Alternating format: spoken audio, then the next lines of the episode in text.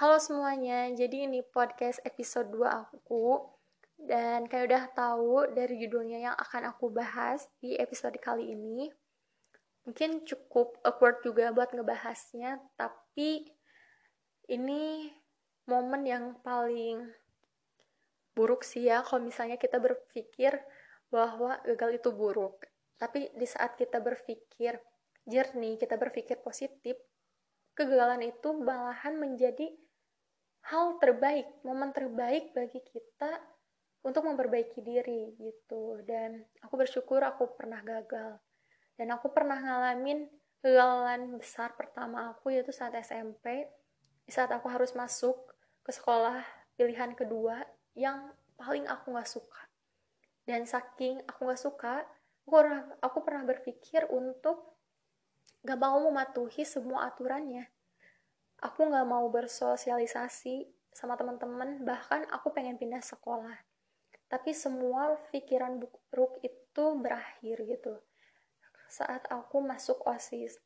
Dan di saat aku masuk osis semuanya berubah. Aku jadi sering bersosialisasi sama teman-teman aku banyak teman. Bahkan aku bisa mengembangkan bakat aku gitu dan itu menjadi momen terbaik aku saat SMP dan SMA pun begitu. Jadi di saat SMP dan SMA aku masuk OSIS itu malahan menjadi momen terbaik aku gitu. Aku bersyukur aku gagal tapi itu malah menjadi momen terbaik aku. Dan di saat sekarang pun aku mau masuk kuliah aku ngalamin gagal di SNMPTN dan SBMPTN itu bener-bener patah hati luar biasa banget buat aku. Aku sampai down selama seminggu setelah pengumuman uh, penerimaannya. Dan akhirnya aku mutusin untuk ujian mandiri.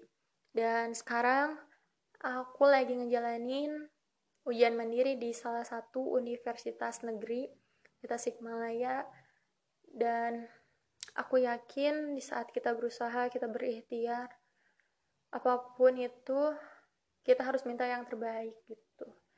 Dan buat teman-teman yang lagi berjuang juga yang mungkin senasib sama aku ayo kita sama-sama berjuang kita buktiin sama orang-orang. Orang yang gagal itu gak selamanya gagal kok. Kita bisa sukses dengan cara kita sendiri.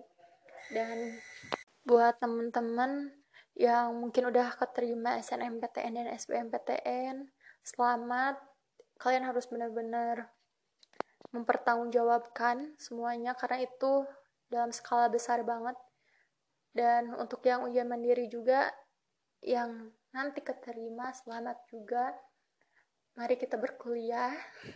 Dan buat teman-teman juga yang mungkin gap year atau menunggu satu tahun selamat. Kalian lebih banyak punya waktu luang untuk belajar untuk lebih baik lagi dan insya Allah untuk ke depannya kalian mungkin bisa masuk sekolah favorit yang orang lain gak akan nyangka.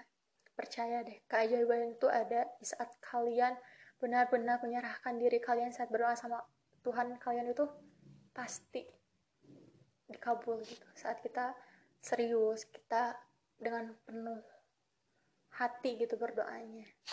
Dan mungkin itu dia podcast kali ini. Dan bye